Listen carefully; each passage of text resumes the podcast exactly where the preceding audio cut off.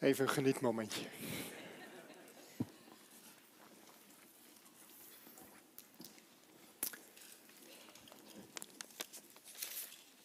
Bijna, bijna 50 jaar. Bijna 50 jaar zijn we als Bad Noord onderweg. Samen onderweg. Samen onderweg met elkaar, met God en met zijn woord. vorige week, nog maar een week geleden, vorige week zaten we met z'n allen in de aula van het Scala, namen we afscheid van die plek. En hoorden we dat er nog drie dames in ons midden zijn, vanaf dat allereerste begin.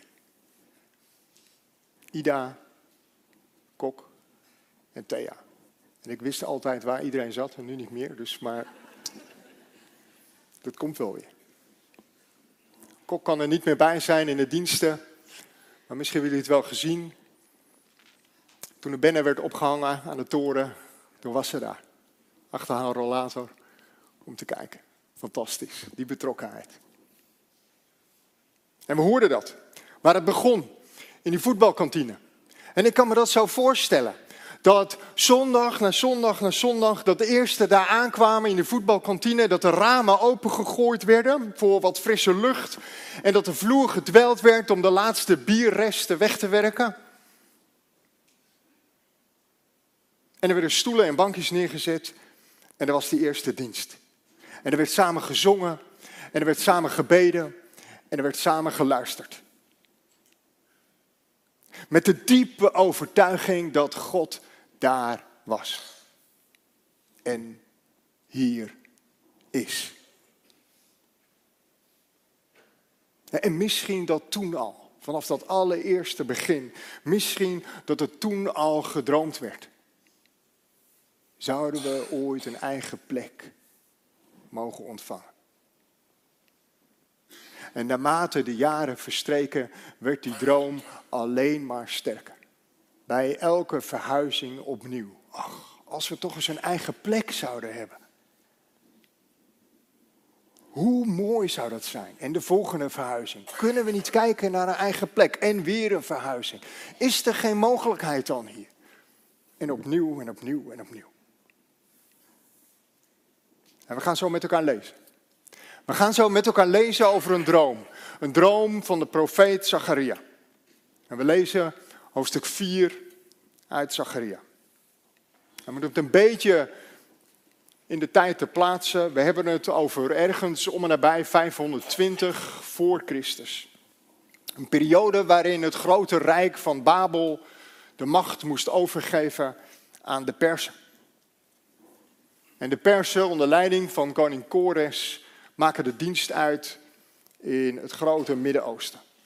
En koning Kores die heeft besloten dat de Joden weer terug, de Joden uit ballingschap, weer terug mogen keren naar hun eigen land. Naar Juda, naar Jeruzalem. Dat de muren van Jeruzalem herbouwd mogen worden. Denk aan de boeken van Nehemia en Esra. En dat ook de tempel weer herbouwd mag worden.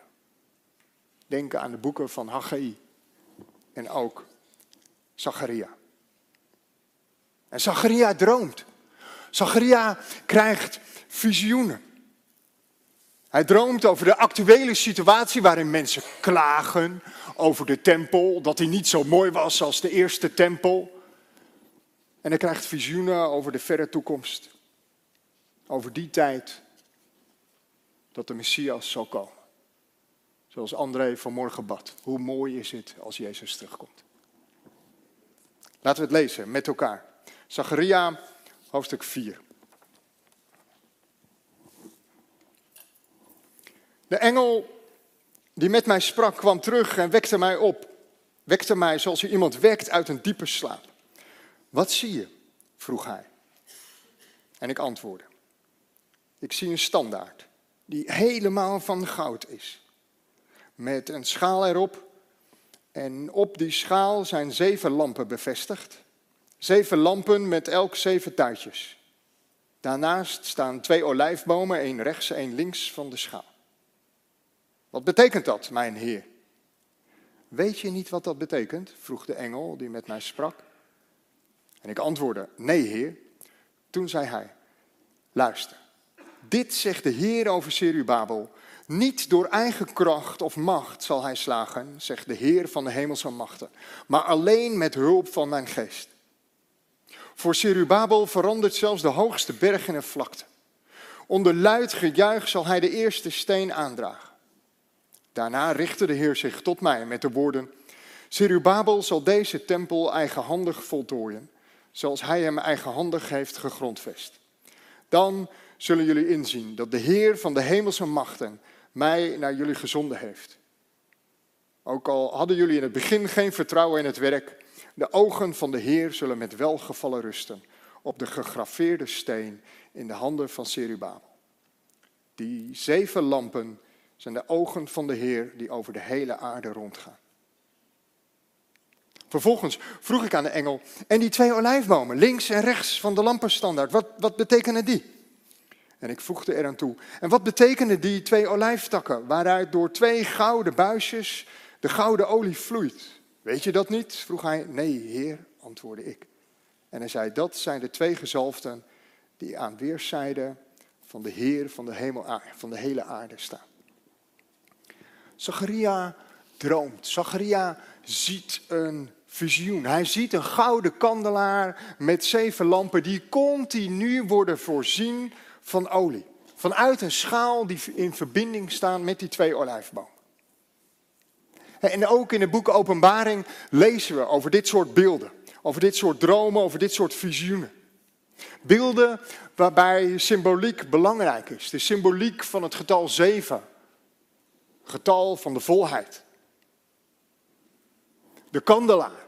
Symboliek van het licht wat staat voor de aanwezigheid van God. Kortom, God is aanwezig. En er wordt continu voorzien in olie, zonder dat daar überhaupt mensen aan te pas komen. Dus dat licht blijft continu branden. En laat Gods continue, Gods voortdurende aanwezigheid zien.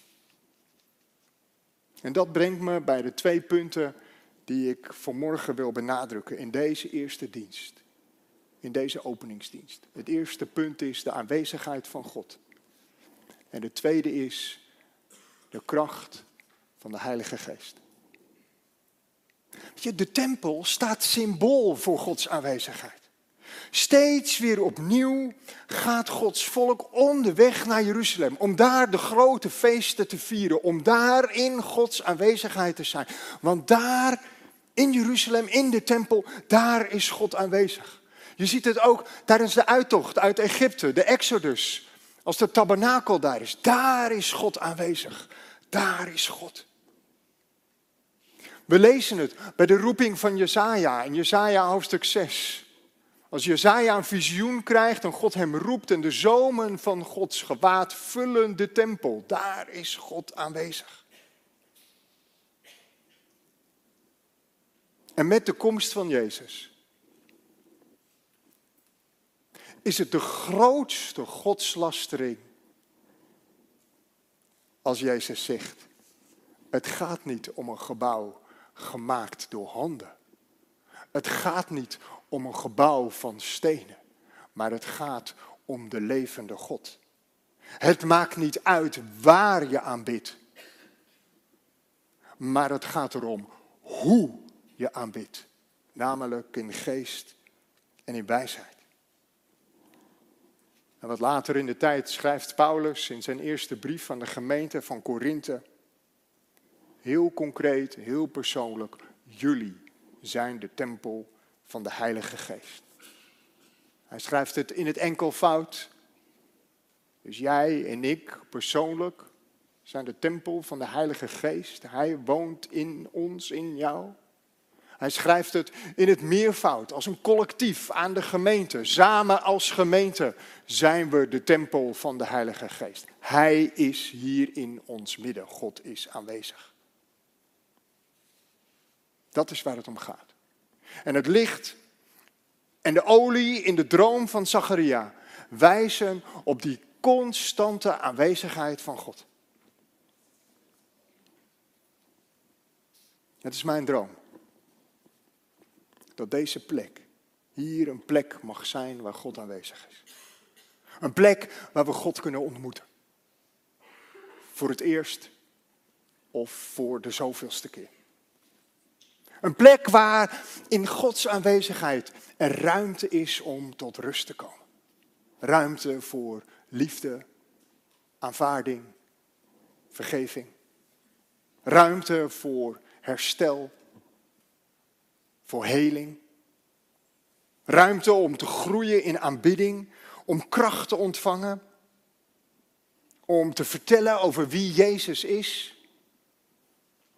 Redder van de wereld. Licht voor de wereld. Hoop. De enige hoop voor de wereld. Maar weet je, dat alles, dat gaat niet vanzelf. En dat alles gaat ook niet gepaard met kracht of met geweld of met het slaan van je vuist op de tafel.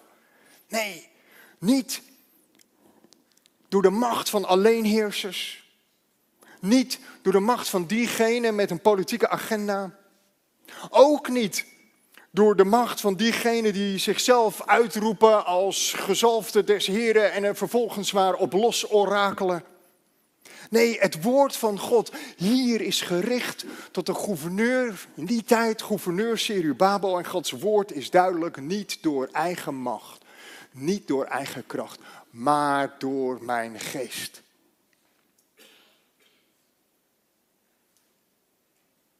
Alles. Alles wat er rondom de herbouw van de tempel gebeurt, dat zal gebeuren met de hulp door de kracht van Gods geest. En weet je, in de afgelopen zes weken is hier echt enorm veel werk verricht. Gigantisch. Vakanties zijn opgeofferd. Pensionado's waren hier elke dag aanwezig. Vrije zaterdagen zijn opgeofferd. En dan kun je zeggen, ja, dat heeft te maken met de beleidschap van eindelijk een eigen plek. Dat heeft te maken met misschien wel het zelf willen verwezenlijken van die droom. Ja, dat heeft te maken met dankbaarheid. Het heeft te maken met de kracht van een hechte gemeenschap. Met de juiste inzet van, van middelen en van talenten.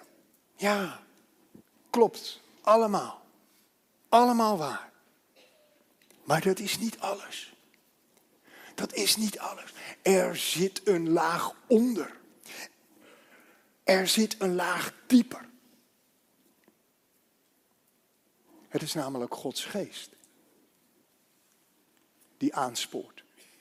Die bewerkt. Die dat willen en werken in ons uitwerkt. Het is niet de kracht van mensen. Maar de laag die eronder zit, is dat Gods geest ons aanspoort.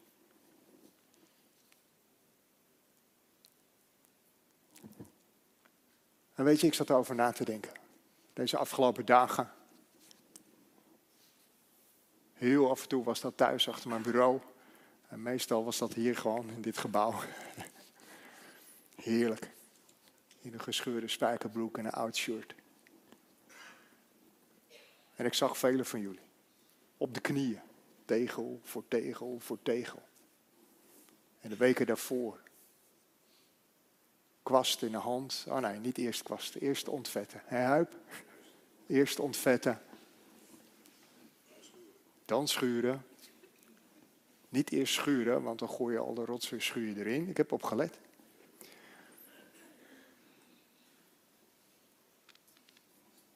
Weet je, Natuurlijk. Gaven, talenten, middelen, enthousiasme. Mensen, daar gaat het niet om. En we zijn, begrijp me goed, hè? ik ben er ontzettend dankbaar voor. Maar de laag dieper, dat is waar het om gaat. Die laag dieper. Het is door de geest van God. Het is omdat de geest van God ons in ons hart geraakt heeft en we ons daarom zo inzetten. Ik bedoel, waarom zou je anders vrije zaterdag na vrije zaterdag na vrije zaterdag opofferen? Waarom zou je anders doorgaan op je knieën om toch nog dat laatste stukje tegel af te leggen en dan uiteindelijk te verzuchten, de pijp is schoon leeg. Het is de geest van God die daaronder zit. En weet je mensen, het is mijn droom, het is mijn droom dat deze plek een plek zal zijn waar de ruimte zal zijn voor de werking van de Heilige Geest. Dat God door zijn geest onze harten mag raken en mag blijven raken. Dat we mogen groeien in nederigheid. En zachtheid. Dat Gods geest mag afrekenen met veroordeling. Met bitterheid of met afgunst. En dat we door de geest van God gedreven zullen worden. Om onrecht en armoede en uitbuiting in deze wereld aan te spreken. Dat deze plek een plek mag zijn waar er geen ruimte is voor kracht of voor geweld, maar juist ruimte voor Gods aanwezigheid, die we door de Heilige Geest mogen ervaren.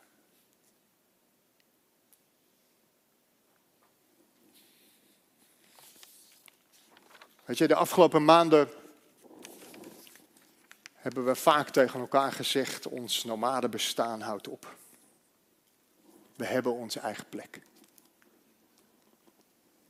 Iemand zei het, ik weet niet meer wie, maar iemand zei het. We laten de woestijn achter ons en we trekken het beloofde land binnen.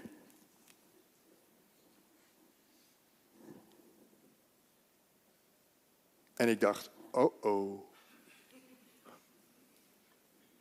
Want ik wil daar echt een stevige waarschuwing bij plaatsen. Weet je, als je het Oude Testament leest en je leest over het volk Israël in de woestijn en op het moment dat ze het beloofde land binnentrekken, dan hebben ze God niet meer nodig. Want ze zijn er al en doen ze hun eigen zin en laten ze God los. Laat dat een voorbeeld zijn voor ons. Laat dat een waarschuwing zijn voor ons. Dat we niet ons eigen plan gaan trekken en dat we alles behalve God gaan vergeten. Maar laten we elkaar blijven aanmoedigen om te geloven, om te groeien en te getuigen van de naam van Jezus. Want Jezus is het centrum van onze gemeente. Jezus, Hij, Hij is de goede herder.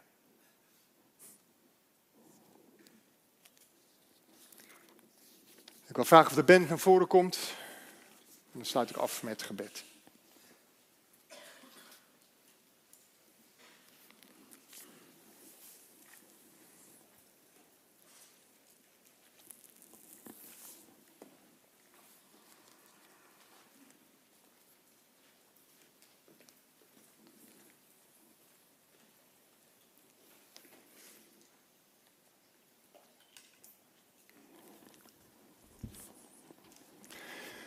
Mag jullie vragen om te gaan staan?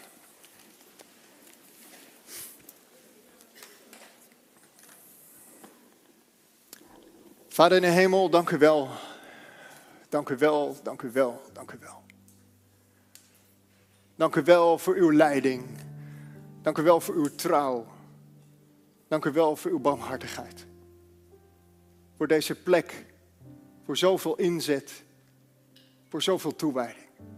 Maar boven alles, Vader, boven alles, dank u wel voor uw Zoon, de Heer Jezus.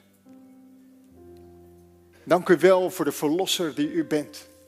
Dank u wel dat u sterker bent dan zonde, dan verdriet, dan dood, dan pijn, dan ellende. Dank u wel dat u de levende God bent, de opgestane Heer.